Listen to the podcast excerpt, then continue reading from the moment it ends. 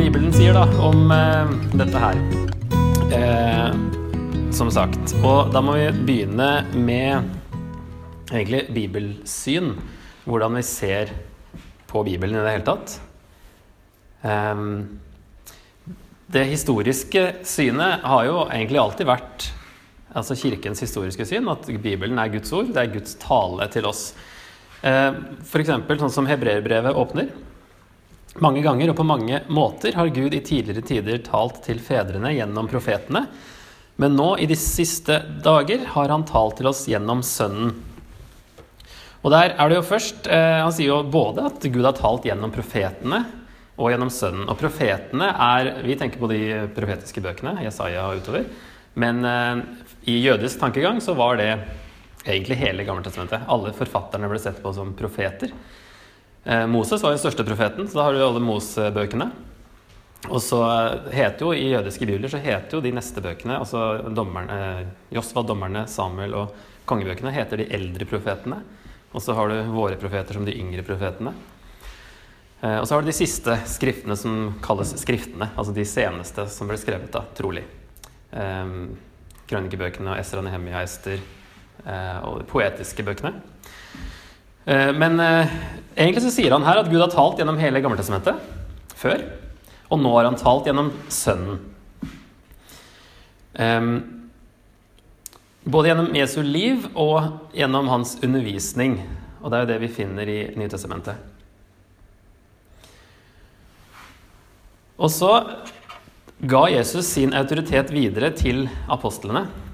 Når han talte, altså Gud talte gjennom Jesus, så sier Jesus at eh, den som hører dere, hører meg, og den som forkaster dere, forkaster meg.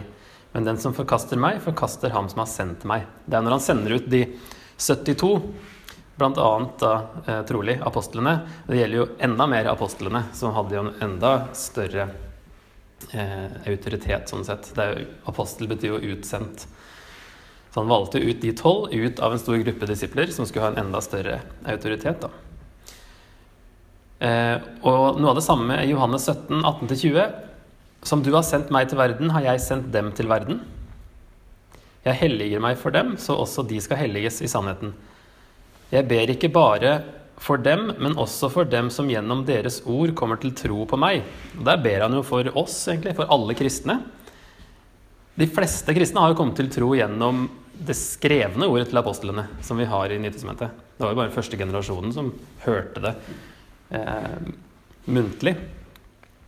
Så her forventes det jo at eh, mange kommer til å komme til tro etter at de er døde også, gjennom deres budskap, som da vi finner i Nytestamentet. Og så kan vi jo se et eksempel der Paulus skriver i 1. Tessaloniker 2,13. Da dere fikk overgitt det Guds ord som vi forkynte, tok dere imot det, ikke som menneskeord, men som det Guds ord det i sannhet er. Det virker nå med sin kraft i dere som tror. Eh, her er det jo evangeliet som er Guds ord. Ikke, de fikk ikke en bibel utdelt, det er ikke det han mener. Men evangeliet var Guds ord. Og det var jo sagt av mennesker, men likevel så var det Guds ord samtidig. Men det er det samme budskapet som de skrev ned senere, og som da også kan ses på som menneskeord og Guds ord. Så det har da egentlig Kirken alltid gjort. Det måtte når de da begynte å få liksom, eh, den tanken om at vi må samle Eller det ble litt spørsmål om noen bøker. Hva er det som er hellig skrift og ikke? Det var mest pga. andre som kom med andre nye skrifter. Og så måtte Kirken da begynne å tenke på det. Det meste var det stor enighet om. Eh, Paulus for eksempel, var det faktisk aldri noe diskusjon rundt. Han var den første som begynte å skrive, og alle brevene hans var egentlig alltid ansett som autoritative. Men det måtte knyttes til en apostel eh, eller en medarbeider av en apostel. Så Markus og Lukas for eksempel, er jo ikke apostler, men de kjente til apostlene, var med i samme krets og fikk autoritet av det. da. Men de måtte alltid tilbake til de som hadde fått den autoriteten av Jesus, til å ta budskapet videre. Og Paulus er jo liksom sånn litt på sida, tenker vi. Han er jo ikke en av de tolv opprinnelige, men han kaller seg jo en apostel. Han er jo kalt til apostel, han også. Eh, og vi har faktisk i første Peters brev en henvisning til Paulus sine brev. Og Peter skriver og Herrens tålmod skal dere se som en mulighet til frelse. Det samme har jo også vår kjære bror Paulus skrevet til dere, ut fra den visdom som er gitt ham. Om dette taler han i alle de brevene hvor han kommer inn på disse spørsmålene. Det er noe der som er vanskelig å forstå, og de ukyndige og svake forvrenger dette, slik de også gjør med de andre skriftene. Hadde han ikke brukt ordet 'andre', så kunne han sagt at Paulus var en annen kategori enn skriftene. Men her er faktisk Paulus blant skriftene. Paulus sine brev ble ansett som Skriften. En utvidelse av, av eh, Den hellige skrift i Gammeltestamentet. Det var egentlig det. Det var aldri snakk om å luke ut bøker. Det var alltid bare hva som eventuelt skulle legges til. Men Paulus var da ansett som en sånn forlengelse av eh, Den hellige skrift allerede. Og ingen egentlig hadde noe særlig I hvert fall ikke sånn det var jo noen sånn i Korint som tvilte på Paulus osv., men som regel så var Paulus aldri egentlig diskutert. Så her, om vi skulle liksom tvile litt på Paulus, så har i hvert fall det at Peter, som var en av de tolv, han går god for eh, Paulus sine brev og kaller dem for Skriften. Så det er eh, kanskje det vi kan kalle det for kirkens klassiske syn. Da. Kan begrunnes på den måten her med eh, en sånn forlenget autoritet fra Gud, Jesus, til apostlene og det de skrev ned. Derfor var det ting som ble skrevet senere, og egentlig sånn, samtidig som apostlene levde også, mot slutten av 100-tallet, som sikkert var veldig bra, og kanskje inspirert av Gud òg, men var ikke dermed med i Nytestamentet, for det var ikke en apostel som skrev.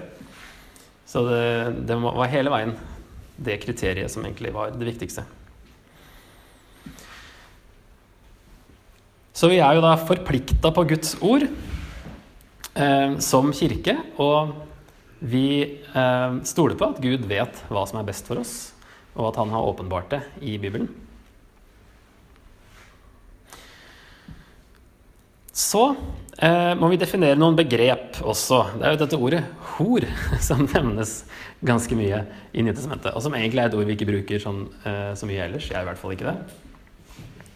Um, når vi snakker om samlivsetikk, da, så er det da Det her blir liksom sentralt. fordi Bibelen, Vi må se liksom et sånn helhetsbilde egentlig, i hva Nytestamentet snakker om, for å se hvordan de Jesus og forfatterne av NT tenker. Det greske ordet som ligger bak, er jo da porneia. Og det er det vi får pornografi fra, blant annet. Så det er jo ikke noe sånn positivt lada ord. Um, og generelt så defineres det som all seksuell umoral, hvis ikke det er nærmere spesifisert. Så det er veldig sånn bred kategori.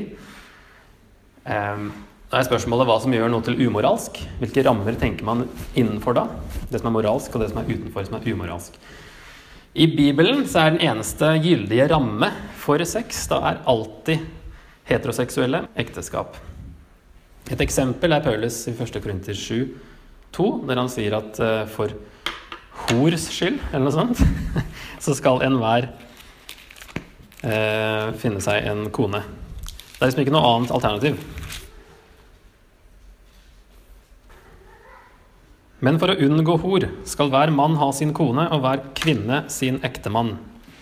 Så sier han også i vers 8 og 9.: Til de ugifte og enkene sier jeg, det er godt for dem om de fortsetter å være som jeg, men dersom de ikke kan være avholdende, må de gifte seg. For det er bedre å gifte seg enn å brenne av begjær. Ehm, så egentlig det er, liksom, det er bare den muligheten som Bibelen eh, kjenner til. Ekteskapet, sånn i klassisk forståelse. Så dermed blir Bibelens definisjon av hor alle former for seksuell omgang utenfor ekteskapet. Hvis den ene er gift, eller begge er gift, med andre, så kalles det som regel utroskap, men det er litt sånn overlappende kategorier at eh, det kan nå falle i kategorien hor. Og det nevnes 25 ganger ca. i Nytestamentet. Eh, og alltid som synd, da, noe som ikke er etter Guds vilje. På engelsk står det ofte sexual 'sexual immorality'. Så de har liksom I King James så har de 'fornication', og det er liksom kanskje det som tilsvarer vårt gammeldagse ord 'hor'. Så kanskje vi burde oppdatert det litt. Ok, Så ekteskap er liksom rammen, og ekteskap på bibelsk tid kan vi jo se på. Da inngikk man en kontrakt når man ble forlova og gifta seg etter ca. ett år. Altså bryllupet var ca. etter ett år. Hadde ikke sex før bryllupet, men det å bryte forlovelsen var likevel å regne som skilsmisse. Og det ser vi med Josef og Maria i Matteus 1. At han eh, vet jo at han ikke er faren til Jesus, for de har jo ikke hatt sex. Og han har tenkt å skille seg fra henne i stillhet. Da. Så begge de to tingene dukker opp der. Og så Som gift så ble man jo da beskytta av både jødisk og romersk lovverk. Det var en kontrakt, og du, det var liksom sånne rammer rundt som vi har i dag rundt, rundt ekteskapet. Selv om tradisjonene våre er litt annerledes, med eh, forlovelse osv. Eh, og det vil si at Samboerskap har jo ikke da samme funksjon som ekteskap i Bibelen. Man ble ikke gift i Guds øyne kun ved å ha sex. Man måtte binde seg skriftlig først, faktisk. Og så brukes også ekteskapet som et bilde på forholdet mellom Jesus og menigheten, f.eks. i Efeserne 5. Og Derfor er det jo teologisk viktig å holde på det slik Gud har ment det, når det, det brukes i evangeliet, egentlig. tenkte jeg å vise et eksempel. Jeg synes Et av de beste eksemplene De som var her på, når vi gikk gjennom første korinterbrev, så så vi jo på det da også. Men eh, på hvordan tenkningen om det her, hvordan Paulus tenker om det. I 1. Korinter 6, 15-20 så sier han eh, Det er jo da noen av korinterne som syns det er greit å gå til prostituerte, som Paulus da må ta opp og korrigere. Så han sier Vet dere ikke at kroppene deres er Kristi lemmer? Skal jeg da ta Kristi lemmer og gjøre dem til en hores lemmer? Det må ikke skje. Eller vet dere ikke at når noen holder seg til en hore, blir de én kropp? For det står de to skal være én kropp. Men den som holder seg til Kristus, blir én ånd med ham. Hold dere langt borte fra hor. Vet dere ikke at kroppen deres er et tempel for Den hellige ånd, som bor i dere, og som er fra Gud? Dere tilhører ikke lenger dere selv. Dere er kjøpt og prisen betalt. Bruk da kroppen til Guds ære. Her er streket under tre ting, si, personer, og mer enn det òg, som, som, blir involvert når de går til prostituerte. Det er jo fordi det er en del av Kristi kropp og er en del av menigheten. Så tar de med seg både Kristus og resten av menigheten, de andre, Kristi lemmer. Eh, når de da forenes med en prostituert og Den hellige ånd som bor i dem. Så det er, Paulus forklarer alvoret i det her, og at vi, er, vi må tenke kollektivt, egentlig. Eh, mer enn vi kanskje er vant til i vår, vårt samfunn. Eh, når vi er en del av menigheten, så kan vi ikke bare holde på som vi vil. Blant annet også blir vi kjøpt og prisen betalt. Og vi skal bruke kroppen til Guds ære, den også. Eh, sitat ut fra dette, disse versene. For Paulus er sex en forening av din kropp med en annens. I dåpen ble du en del av Kristi kropp, og det er Kristi kropp som må gi deg tillatelse til å forene kroppen din med en annens. Vi har ingen rett til sex. Kirken gir deg det privilegiet i bryllupet. Bryllup gir oss lov til å ha sex med noen. Avholdenhet, med andre ord, er en del av kristenlivet. I Det nye testamentet er sex utenfor ekteskapets grenser rett og slett forbudt. Å ha sex utenfor disse grensene er å begå en synd mot Jesu kropp. Avholdenhet før ekteskapet og trofasthet innenfor ekteskapet. All annen form for sex er kroppslig frafall. Så den rammen, ekteskapet er rammen. Alt annet er eh, ikke etter Guds vilje. Den andre store tingen er jo da homoseksuell praksis. Hva sier Bibelen om det? Og det er jo bare praksis som nevnes i Bibelen. Og det nevnes seks ganger. Tre ganger i Gammeltestamentet jeg har ikke tenkt å gå inn på de så veldig, men i første Mosebok 19 så er det Sodoma og Gomorra-historien. Der er det jo noe sånn Det er ikke liksom tema, men det er en del av historien. Men så sies det tydelig i Moseloven i 3. Mosebok 1822 og 2013 at uh, det er synd. De tre tekstene vi skulle se litt på, er de som Paulus kommer med i Romerbrevet 1 og 1. Korinter 6 og 1. Timoteus 1. Men før det så skal vi se litt på om Jesus sa noe om det. Eh, han nevner det ikke, men det betyr på ingen måte at han går god for det. Og hvorfor ikke? Fordi I Jesus sin kontekst, alle han snakka til, var enige med Mosloven. Altså 3. Mosbok 18 og 20. Inkludert Jesus selv, som kalte det for Guds ord. F.eks. i Markus 7, 9-13, så sier han dere avskaffer Guds bud for å innføre deres egen overlevering. For Moses sa prikk, prikk, prikk, slik setter dere Guds ord ut av kraft. Egentlig tre eh, uttrykk for samme tingen for Moseloven, som han kaller for Guds bud, Moses sa og Guds ord. Og i Matteus 19, 4 og 5, når han ble spurt om skilsmisse, så svarer han har dere ikke lest at Skaperen fra begynnelsen av skapte dem som mann og kvinne, altså henvisning til 1. Mosebok 1, 27, og sa derfor skal mannen forlate far og mor og holde fast ved sin kvinne, og de to skal være én kropp, som er da fra 1. Mosebok 2, 24. Ehm, for det første her eh, så henviser han til Altså det siste sitatet. Derfor skal mannen forlate far, far sin mor. Han sier at eh, skaperen sa den setningen. Hvis du slår opp i første Mosebok 2.24, så er ikke det noe sånn 'Herren sa kolon'. Det er bare en del av den fortellende tekst, egentlig. En del av historien. Um, hvem som nå skrev det. Uh, men Jesus så på den teksten, selve teksten, som Guds ord, og som skaperen sa. Så det er ikke noe sitat når du slår det opp, men det er en del av teksten bare. Skjønte dere det? At Gud, eh, Jesus så på det som likevel som Guds ord, og at Gud sa det. Og samtidig, med å gjøre dette her, henvise dit, så korrigerer han ingenting. Ikke noe ellers heller. Eh, men han bekrefter ekteskapet her mellom én kvinne og én mann. Ved å henvise til begynnelsen. Så det, vi kan ikke bruke Jesus sin taushet om dette temaet som et argument for en annen etisk standard enn det Moseloven kommer med. For det er jo den Jesus er enig med og eh, henviser til. Så da må vi se på Paulus. Romerne 1, 24-25. Nei, 27. Unnskyld. De, og da snakker han om mennesker som holder sannheten nede i urett. De fulgte sitt hjertes lyster, derfor overga Gud dem til urenhet, slik at de vanæret kroppen sin med hverandre. De byttet ut Guds sannhet med løgn og tilba og dyrket det skapte i stedet for Skaperen, Han som er velsignet i evighet. Amen. Derfor overga Gud dem til skammelige lidenskaper. Kvinnene deres byttet ut det naturlige samliv med det unaturlige. På samme måte sluttet mennene å ha naturlig samliv med kvinner og brant i begjær etter hverandre. Menn drev utukt med menn, og de måtte selv ta straffen for sin villfarelse. I konteksten her så snakker Paulus om en, en slags kontinuerlig syndefall. Og han bruker ordene 'mann og kvinne' fra første Mosebok 1.27. Det er ikke de vanlige ordene 'mann og kvinne'. Ikke, på engelsk da, så kan du tenke 'man and woman'. Det er ikke det, men det er 'male and female'. Vi skiller ikke like godt, vi snakker ikke om hannkjønn og hunnkjønn like mye som male and female. Men det er mer sånn generelt. Um, og han tenker ikke på, på spesifikke individer, men uh, menneskeheten. Uh, og at alle egentlig velger um, å tilbe enten Gud eller noe annet. Og det kan også være at du tilber deg selv. Du setter deg sjøl på førsteplass istedenfor Gud. Så han deler egentlig alle mennesker inn i to. Gud på førsteplass eller ikke.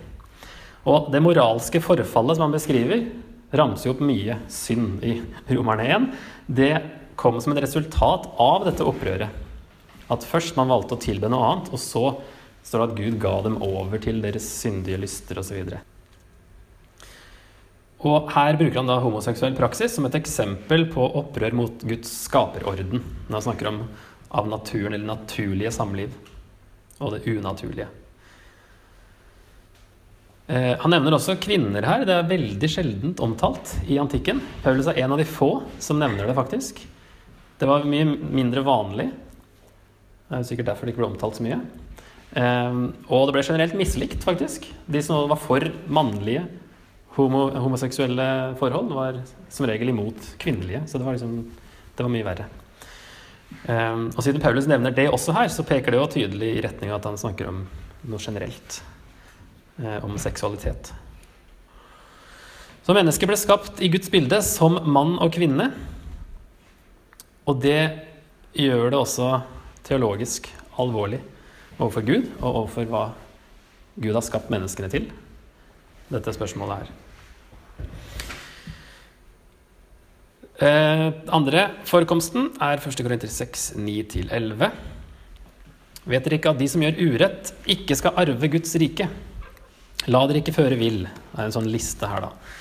Verken de som driver hor, de som dyrker avguder, eller de som bryter ekteskapet. Verken menn som ligger med menn, eller som lar seg ligge med. Verken tyver, grådige, drukkenbolter, spottere eller ransmenn skal arve Guds rike. Slik var noen av dere før, men nå er dere vasket rene. Dere er gjort hellige, dere er gjort rettferdige i Herren Jesu Kristi navn og ved vår Guds ånd. Her snakker han da om menn som ligger med menn, eller som lar seg ligge med, og det er to ulike ord som ligger bak der. Det ene er arsenokoitai, som er et ord satt sammen av ordene for mann og seng på gresk, og henta fra de to forekomstene i Tredje Mosebok. Så det ordet finner du ikke utenfor jødiske og kristne sammenhenger. Det er et sånn jøde, jødekristent ord. Så det er ikke tvil om hvor Paulus henter dette fra, eller baserer det på. Det andre ordet er malakoi, som egentlig betyr myk, men som også blir brukt om feminine, eller feminine menn også, da. Og, så det inkluderer da begge sider av pederasti, som er den, den vanligste formen for homoseksuelle forhold i den greske verden, med en eldre og en yngre mann. En mann og en gutt, eller en eldre mann og en eh, yngre mann. Eh, I den greske verden. I den romerske verden eh, Det er jo gresk-romersk alt sammen, men for romerne så var det litt mer eh, sånn generelt. Dette var den vanligste blant typisk grekere. Um, ja, så Paulus tar med begge to for å inkludere liksom begge sider. Og så sier han slik var noen av dere før. Det er ikke bare teori for Paulus, det her. Han kjenner faktisk folk som har vært sånn, som ikke er sånn lenger. Pga. evangeliet og Jesus. Han snakker om praksis. De pleide å gjøre sånn, de gjør ikke sånn lenger. Um, han har jo sett mye på reisene sine rundt i Romerike. Og han um, kjente er folk som hadde endra livsstil på det området her. Så siste, 1. Timoteus 1, 8 og 11. Det er en ny sånn eh, liste. Vi vet at loven er god når vi bruker den rett, og forstår at loven ikke er bestemt for den rettferdige, men for lovbrytere og ulydige, ugudelige og syndere, spottere og gudsfornektere, og for dem som slår sin far og mor, for mordere, dem som driver hor, menn som ligger med menn, dem som driver med menneskehandel, løgnere og dem som sverger falskt, og alt annet som strider mot den sunne lære. Dette er i samsvar med evangeliet om herligheten hos Gud, den salige, det evangeliet som er betrodd meg. Her sier han at faktisk Mosloven og evangeliet samsvarer etisk, at Guds karakter da er den samme. Dette er i samsvar med evangeliet. Han siterer jo masse fra Mosloven. Det er loven som er spørsmålet, fordi det er noen vranglærere i Efesus som eh, bruker loven på helt feil måte, sier Paulus. Så loven er god når du bruker den rett. Eh, og ikke sånn som de gjør. Eh, og alt det her er i samsvar med evangeliet om herligheten hos Gud. I 1988-oversettelsen så sto det eh, alt som strider imot den sunne lære, etter eller ifølge evangeliet om den salige Guds herlighet. Og jeg tenkte liksom, jeg ble litt sånn Oi, ja, det er litt alvor, dette her. Evangeliet handler om Guds herlighet. Og det er Jeg ble litt sånn hm. Hadde ikke lagt merke til det før. Men eh, litt ærefrykt fikk jeg der. Og han sier at evangeliet som er betrodd meg Jesus hadde betrodd ham å forkynne dette her. Um, så Paulus er i hvert fall overbevist og argumenterer ganske iherdig for at han har um, autoritet som apostel fra Jesus. Uh, så vi løper kanskje en risk da, med å mene at uh, det ikke var betrodd han, eller at han tok feil, eller et eller annet sånt. Ehm, han er i hvert fall sikker på det sjøl, at han har fått dette fra Jesus. Så det er i hvert fall tydelig hva Bibelen sier, og spesielt Paulus, hva han mener.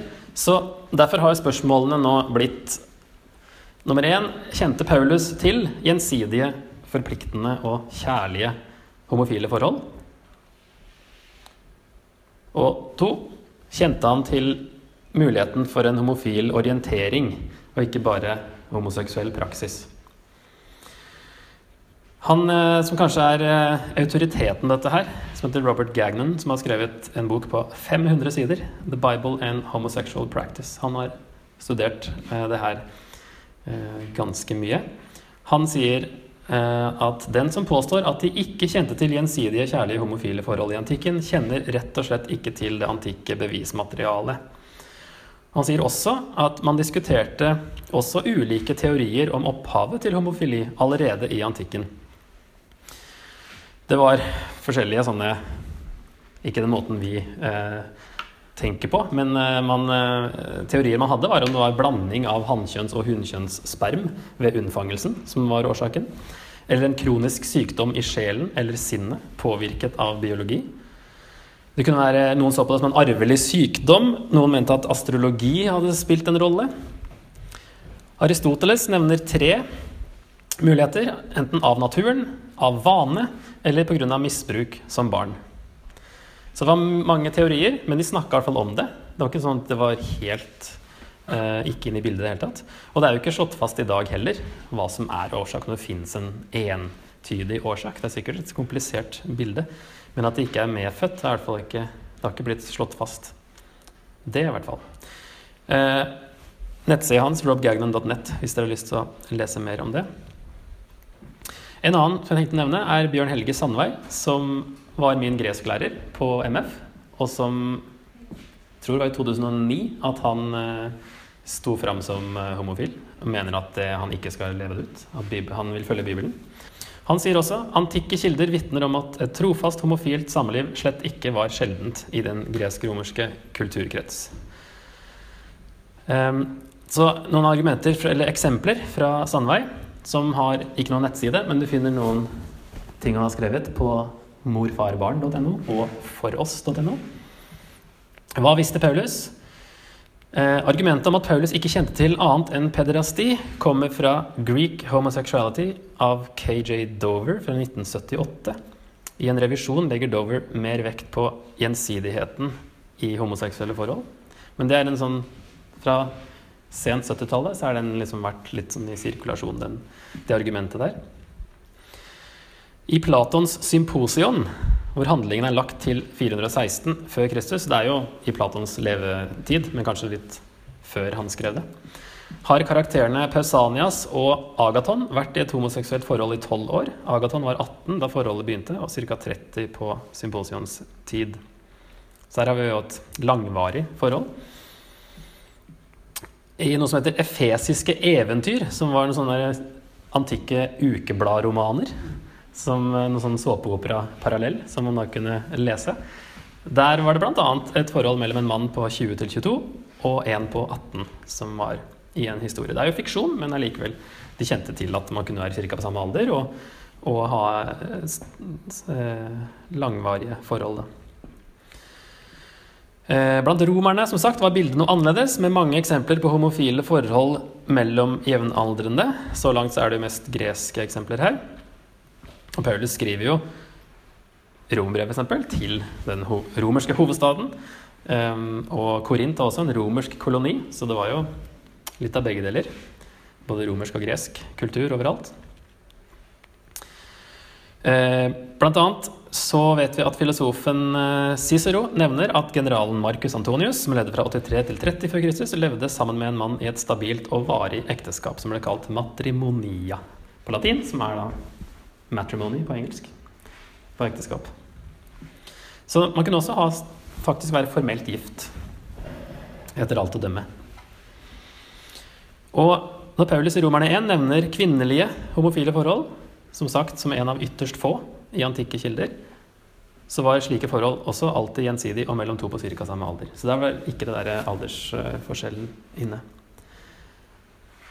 Så Paulus kjente til det også, selv om det ikke nevnes så ofte. Så han visste nok mye om dette her. Og reist rundt mye og sett masse. Her er det en sånn eh, begravelsesrelieff, som det står, av to kvinner som holder hverandre hverandres høyre hånd, som var den klassiske gesten for ektepar i Romerriket. figuren er fra perioden 27, til, 27 før Kristus til 14 etter Kristus. Det er vel Augustus sin regjeringstid. Elefsis og Helena heter de to, da. Som da tydeligvis var to kvinner som var gift. Så det er ikke noe nytt, det heller. Så hva visste Paulus? Ifølge Gagnon så sier han også at homofile og lesbiske også homofile og lesbiske bibelforskere er enige om at Paulus er imot homoseksuell livsstil. Han nevner um, to andre. Louis Crumpton skrevet 600 sider om homosexuality and civilization. Og Bernadette Bruton 500 sider om lesbianism in antiquity. Så alt tyder på at Paulus kjente til det samme som vi gjør i dag, inkludert likekjønnet ekteskap og spørsmål rundt orientering. Og at han er imot det, er egentlig ganske tydelig. At han er imot praksisen. Sandveig sa da vi holdt på med dette her, vi fikk en av de artiklene han hadde skrevet og gikk gjennom i gresktimen um, Han sa jo også det er ingen tvil om hva Paulus mener, men det handler om hvilken autoritet du gir ham. Og det var minst, li, minst, like mye aksept for homoseksualitet den gangen som i dag. Men de kristne sto likevel opp for noe helt annet, en helt annen etikk enn det som var vanlig i samfunnet. Tenkte jeg eh, nesten til slutt å se litt på det her eh, størst av alt av kjærligheten, som ofte dukker opp i denne sammenhengen.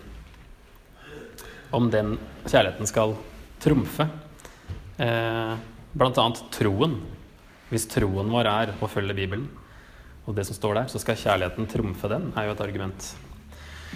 Det her er jo tatt fra 1. Korinterbrev 13.13. 13. Så blir de stående, disse tre, tro, håp og kjærlighet, men størst blant dem er kjærligheten.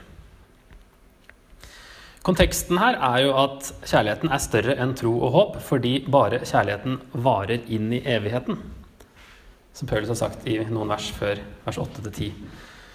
Troen får oss dit, til evigheten, og da, det er jo håpet. Håpet om oppstandelsen og om evigheten. Det, da er jo den oppfylt. Derfor varer ikke håpet lenger. Troen trenger man heller ikke, men kjærligheten varer evig. Og temaet i 1. Korinter 12-14 er faktisk nådegaver. Så kommer kapittel 13 som en sånn lite avbrekk, men som fortsatt handler om det samme.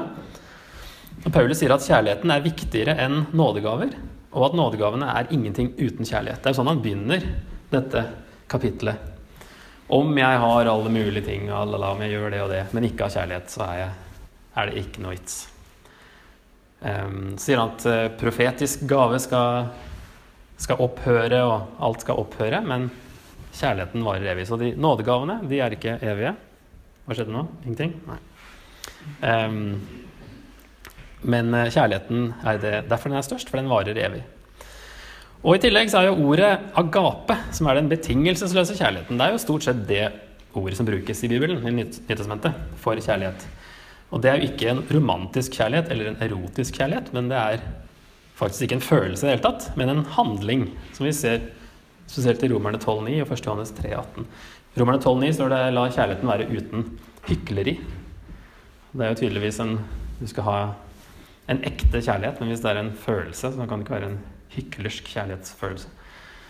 Um, og i 1. Johannes 3 sier han at vi skal elske med gjerninger, ikke bare med ord. Um, så det er jo egentlig noe helt annet Paulus snakker om der, i 1. Korinter 13. I tillegg så sier Jesus i Johannes 15, 10, hvis dere holder fast på mine bud, da blir dere i min kjærlighet, liksom jeg har holdt fast på min fars bud og blir i hans kjærlighet. Så det er jo ingen motsetning mellom Guds bud og kjærligheten. Og Jesus lot aldri kjærligheten trumfe Guds ord i Moseloven, som han så på som, som Guds ord. Um, så vi kan egentlig ikke Det argumentet blir å ta ut av sammenheng hvis man uh, lar det tolke alt annet Paulus skriver. Dette med at størst av alt er kjærligheten. Helt til slutt så tenkte jeg å spille For de som var her for første korinterbrev, så har dere hørt det før. Men jeg syns det er verdt å høre igjen. En som heter Christopher Ewan, som var en eh, Drev med narkotika og var Levde en homoseksuell livsstil. Um, og så ble han kristen i fengselet. Og så forteller han litt om hva han oppdaga når han leste Bibelen. Jeg syns det er mye bedre når det kommer fra han. Eh, og han, er, han, snakker litt fort på engelsk, men uh, håper dere får det med dere. My transformation was gradual. God was convicting me of the idols that I had in my life. The most obvious was drugs. Within a few months, God delivered me from that addiction. But the last thing that I was still holding on to was my sexuality. I was reading through the Bible. It was so clear to me God loved me unconditionally, but there was those passages in the Bible, three in the Old, three in the New, those sticky passages that seemed to condemn that core part of who I thought I was, my sexuality. So I went to a prison chaplain and I asked him his opinion on this issue. I mean, I thought I'm a new Christian.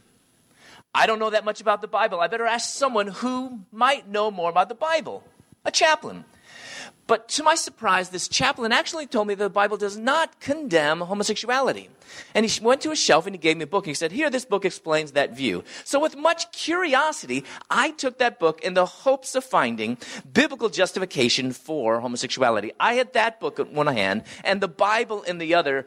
And can I just tell you, from a purely human perspective, I had every reason in the world, every reason in the world, to accept what that book is claiming, to justify the way I had been living. But God's indwelling Holy Spirit convicted me that those assertions from that book were a clear distortion of God, His Word, and His unmistakable condemnations against gay sex and relationships. I couldn't even finish that book, and I gave it back to the chaplain. So I turned to the Bible alone. And I went through every verse, every chapter, every page of scripture, looking for justification for homosexuality, looking for anything. I wanted to find any type of positive affirmation, a blessing of a monogamous gay relationship. I went cover to cover several times I had time. I went and I looked and I looked, scouring the pages of scripture, and I couldn't find any. So I was at a turning point. Either abandon God and His Word, live as a gay man, and pursue a monogamous gay relationship by allowing my attractions to not only dictate who I was, but also how I lived. Or abandon pursuing a gay relationship by liberating myself from my sexuality and live as a follower of Jesus Christ. God showed, showed me I only had one direction. Follow Jesus. As the days and the weeks and the months of abstinence passed, I realized a few things. First, it's possible. Second, abstinence from sex is not going to make me go crazy no matter what Oprah says. Third, through abstinence, I realized that my sexuality shouldn't be the core of who I am. I told myself before, God loves me unconditionally. That is biblical truth. But don't we like to add to God's truth? I added, so therefore he doesn't want me to change. Well, now after reading the Bible several times, I realize that unconditional love is not the same thing as unconditional approval of my behavior. Let me say this again. This is important. Unconditional love is not the same thing as unconditional approval of my behavior. My identity should never be defined just by my sexuality. My identity isn't grounded in my attractions. My identity isn't gay, ex gay, or even heterosexual for that matter, because my identity as a child of the living God must be in Jesus Christ alone. God says, Be holy, for I am holy. You know, I thought before if I wanted to please this God of the Bible, I had become heterosexual. I had become straight. But even people who have heterosexual feelings still struggle with sin. So that should not be my goal. Besides, God never said, be heterosexual, for I am heterosexual. But neither did he say, be homosexual, for I am homosexual. Rather, God said, be holy, for I am holy. So the opposite of homosexuality is not heterosexuality, but the opposite of homosexuality is holiness. As a matter of fact, the opposite of anything is holiness. Our goal as Christians is holiness.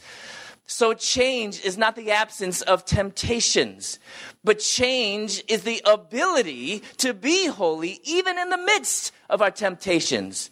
Because the ultimate issue is not what I'm struggling with. The ultimate issue is not my temptations or my desires, but the ultimate issue is that I yearn after God in total surrender and complete obedience. Et par minutter til der snakker litt om hvordan vi har møtt som kristne, hvordan vi har møtt eh, homofile på en dårlig måte, og eh, hva som bør eh, endres der.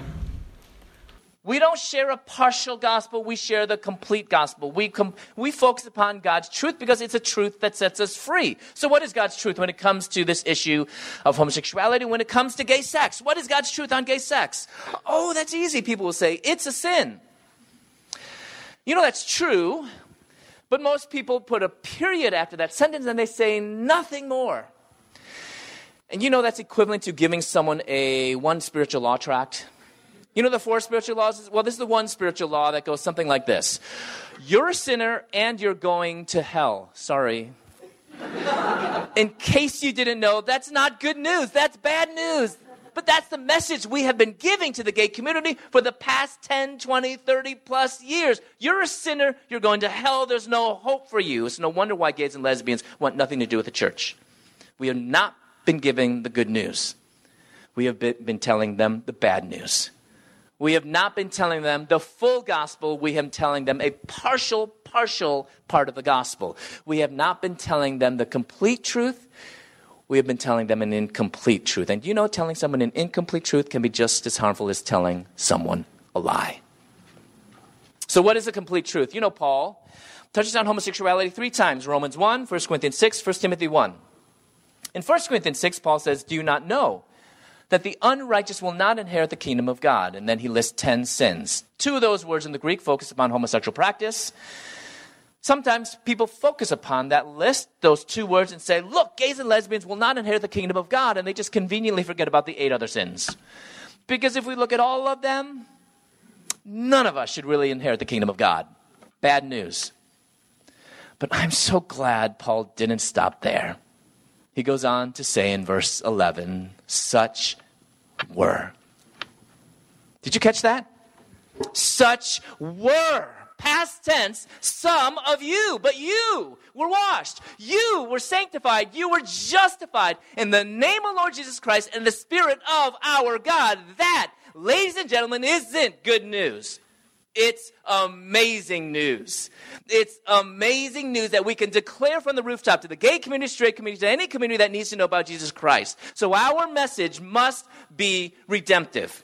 If you are preaching the gospel, you are preaching a redemptive message of Jesus Christ. You can be washed, you can be sanctified, you can be justified in the name of Lord Jesus Christ. That is amazing news. Ok. Han eh, kaller livshistoria si for eh, 'From prisoner to professor', for han har faktisk blitt professor i, i eh, teologi, eller noe bibelfag, fra ganske annet, annet sted i, i livet før det. Ja. Eh, etter pausen så kan dere få fylle inn det som mangla, si, i bildet.